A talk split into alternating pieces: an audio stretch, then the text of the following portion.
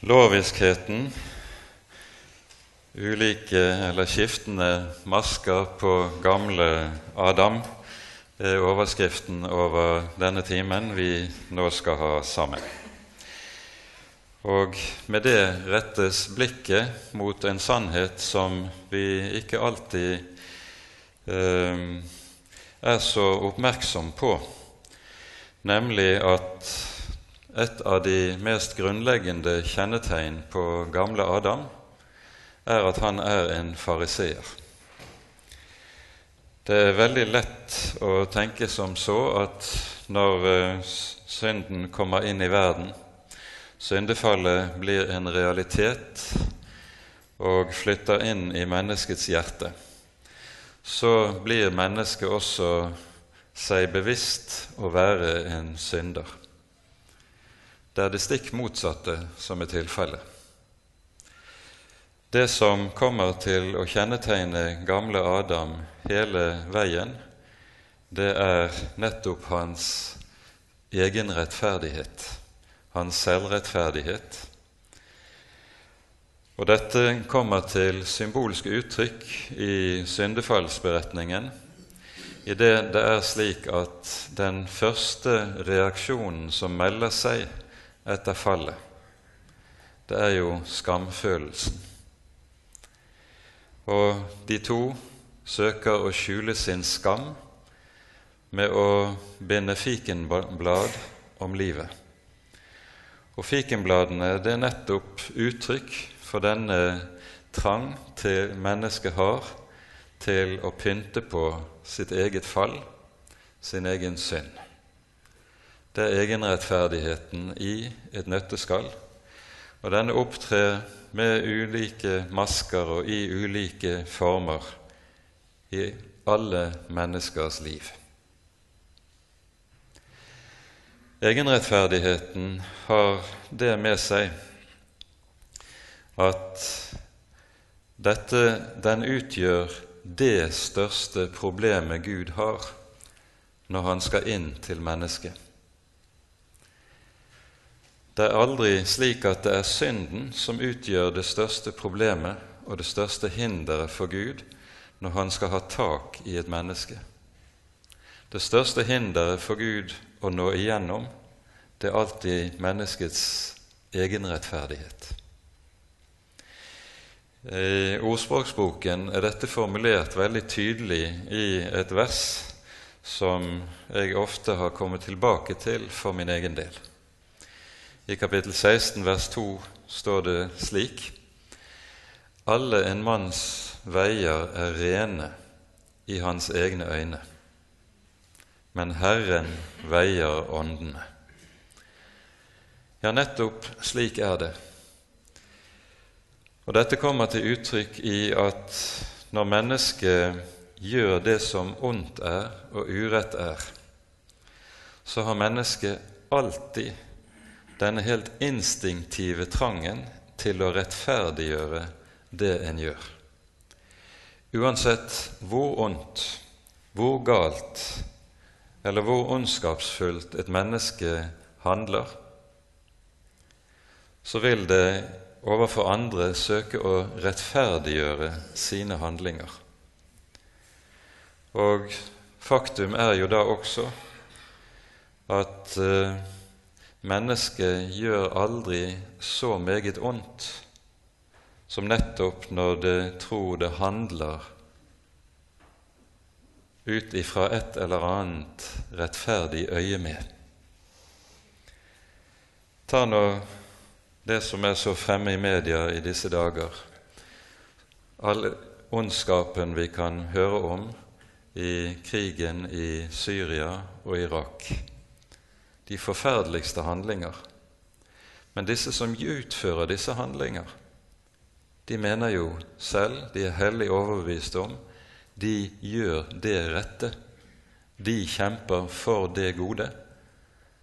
Og derfor plages det ikke det aller minste av ond samvittighet for selv de mest uhyrlige handlinger.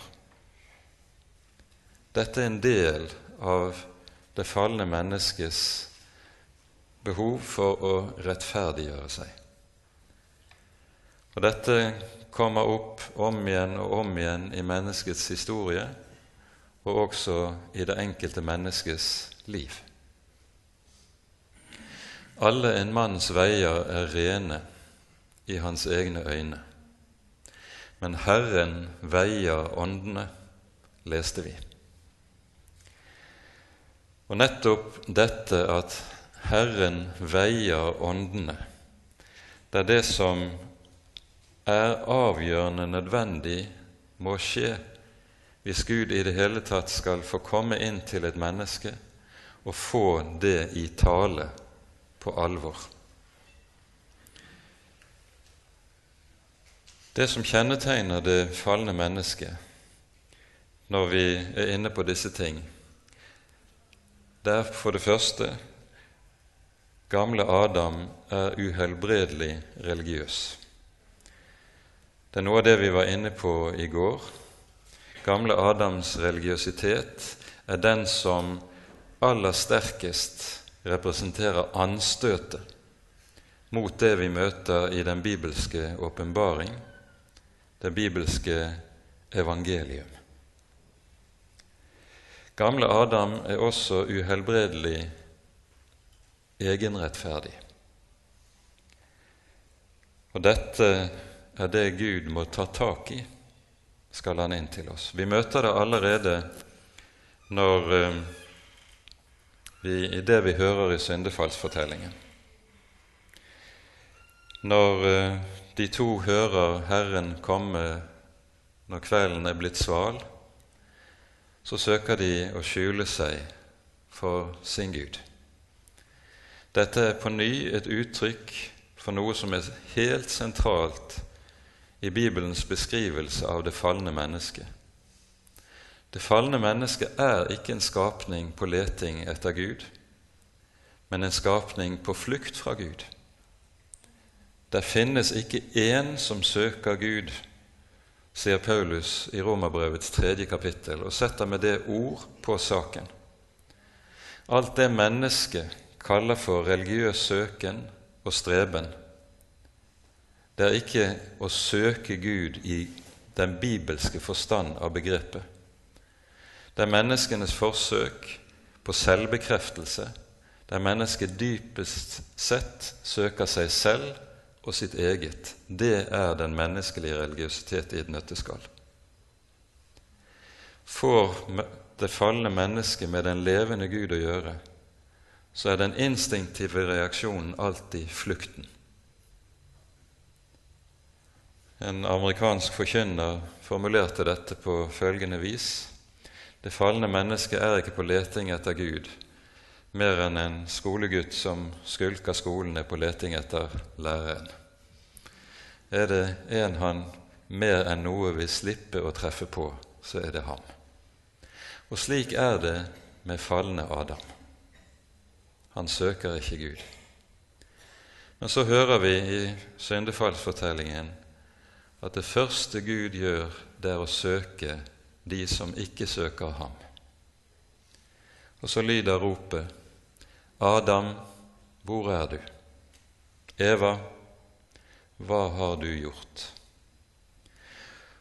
Og Når disse spørsmål lyder, så er det jo fordi, ikke fordi Gud ikke vet hva Adam har gjort, hvor de har skjult seg, men det er lovens første spørsmål og forkynnelse til den som har falt. Adam, hvor er du? Hvor har det du nå har gjort, ført deg hen? Hvor har du kommet slik du nå har innrettet deg?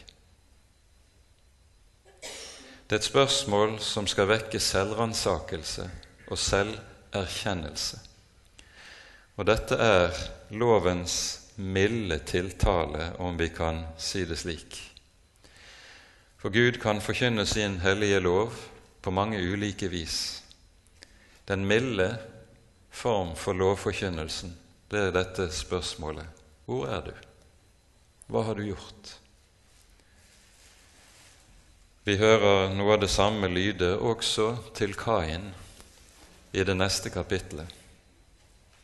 Hva har du i sinne? Gud kommer med spørsmålet, Og først etter at Kain to ganger har vist Herrens tiltale fra seg, lyder loven i dens skarpe dom. Når loven kommer på denne milde måte, så er det nettopp med det for øye å vekke selverkjennelsen.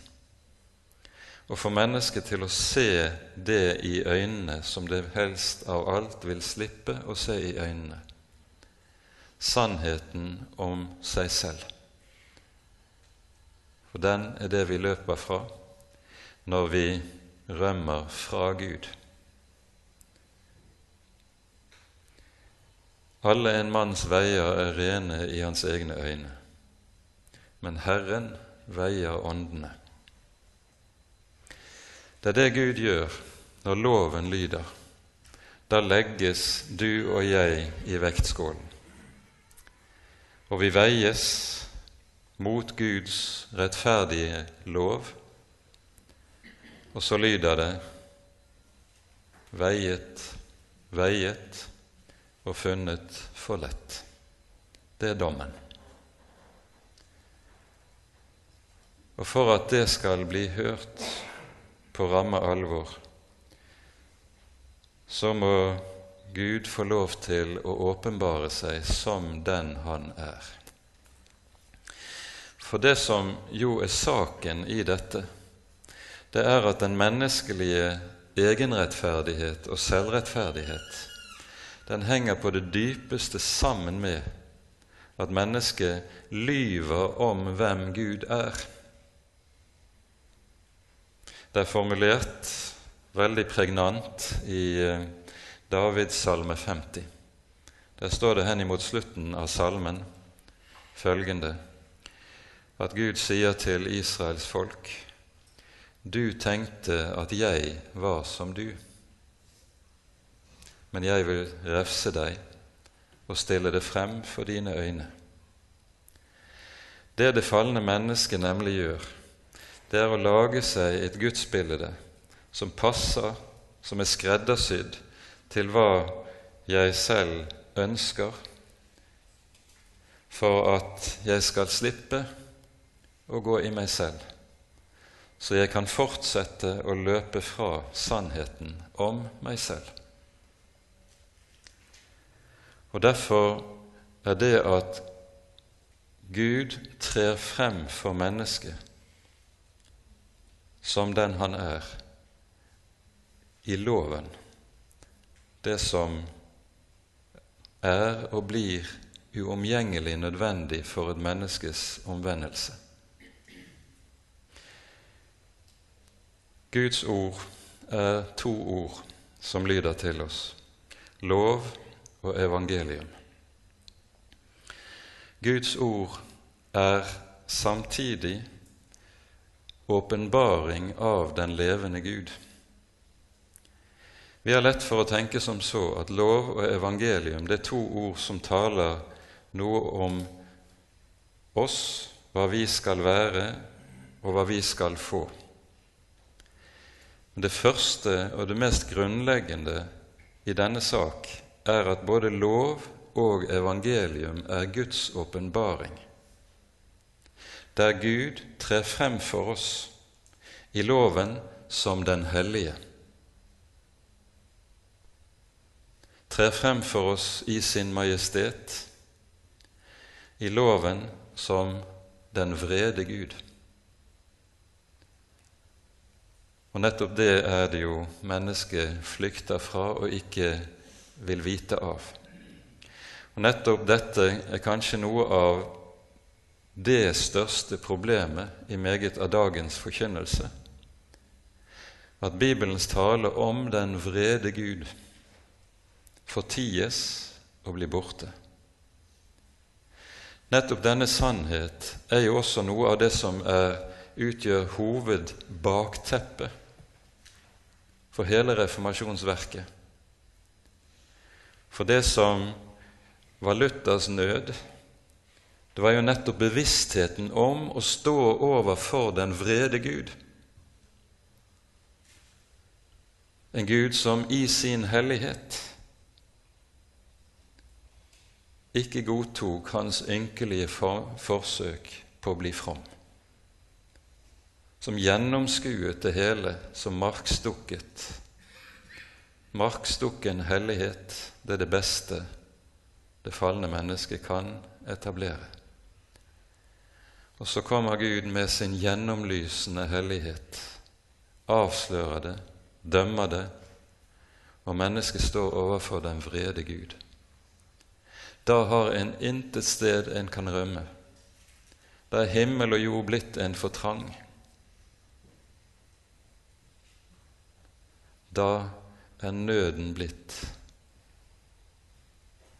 Hvordan kan jeg i det hele tatt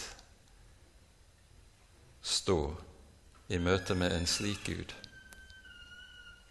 Det er Jesajas rop når han får se den levende Gud i det hellige.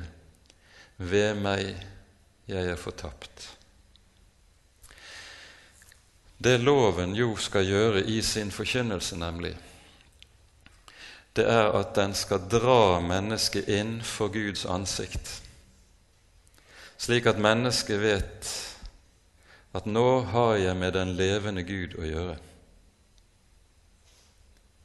Den drar meg inn for Guds ansikt, inn i et lys der alt avsløres, og jeg er gjennomlyst. Og det loven gjør, det er at den viser meg hvem jeg er, som det formuleres i luthersk dogmatikk, hvem jeg er coram deo, hvem jeg er for Guds ansikt hvordan jeg ser ut i Guds øyne. Jeg tvinges med andre ord til å skifte målestokk. Den målestokk jeg vanligvis bruker, det er en målestokk som anvendes i det daglige liv. Jeg er ikke verre enn de fleste andre mennesker. Det er godt og mindre godt hos meg, men uh, det er nå i grunnen ikke så aller verst likevel. Den målestokken brenner opp og tilintetgjøres der et menneske dras inn for Guds ansikt. Og det er det loven gjør. Den drar meg inn, coram deo, innenfor den hellige. Da veies åndene da blir jeg for lett. Dette har mange ulike former i menneskenes liv. På pinsedagen ser vi det i Jerusalem på det vis at når Peter har holdt sin tale på pinsedagen, så rammes mennesker i samvittigheten. Det står da de hørte dette, stakk det dem i hjertet og de spurte, Hva skal vi gjøre for å bli frelst? Den hellige ånd har altså anvendt loven, rammet den, og så vekkes det spørsmålet som det falne mennesket aldri stiller av seg selv. Hvordan kan jeg bli frelst? Det spørsmål som det falne mennesket gjerne stiller, det er hva slags hjelp har Gud å tilby meg for at jeg kan bli bedre, for at jeg kan bli annerledes? En vet meget godt at jeg burde jo blitt bedre. Og så vil en ha, gjerne ha Guds hjelp til det. Men denne gjennomlysende sannhet som gjør meg hjelpeløst skyldig innenfor Den hellige,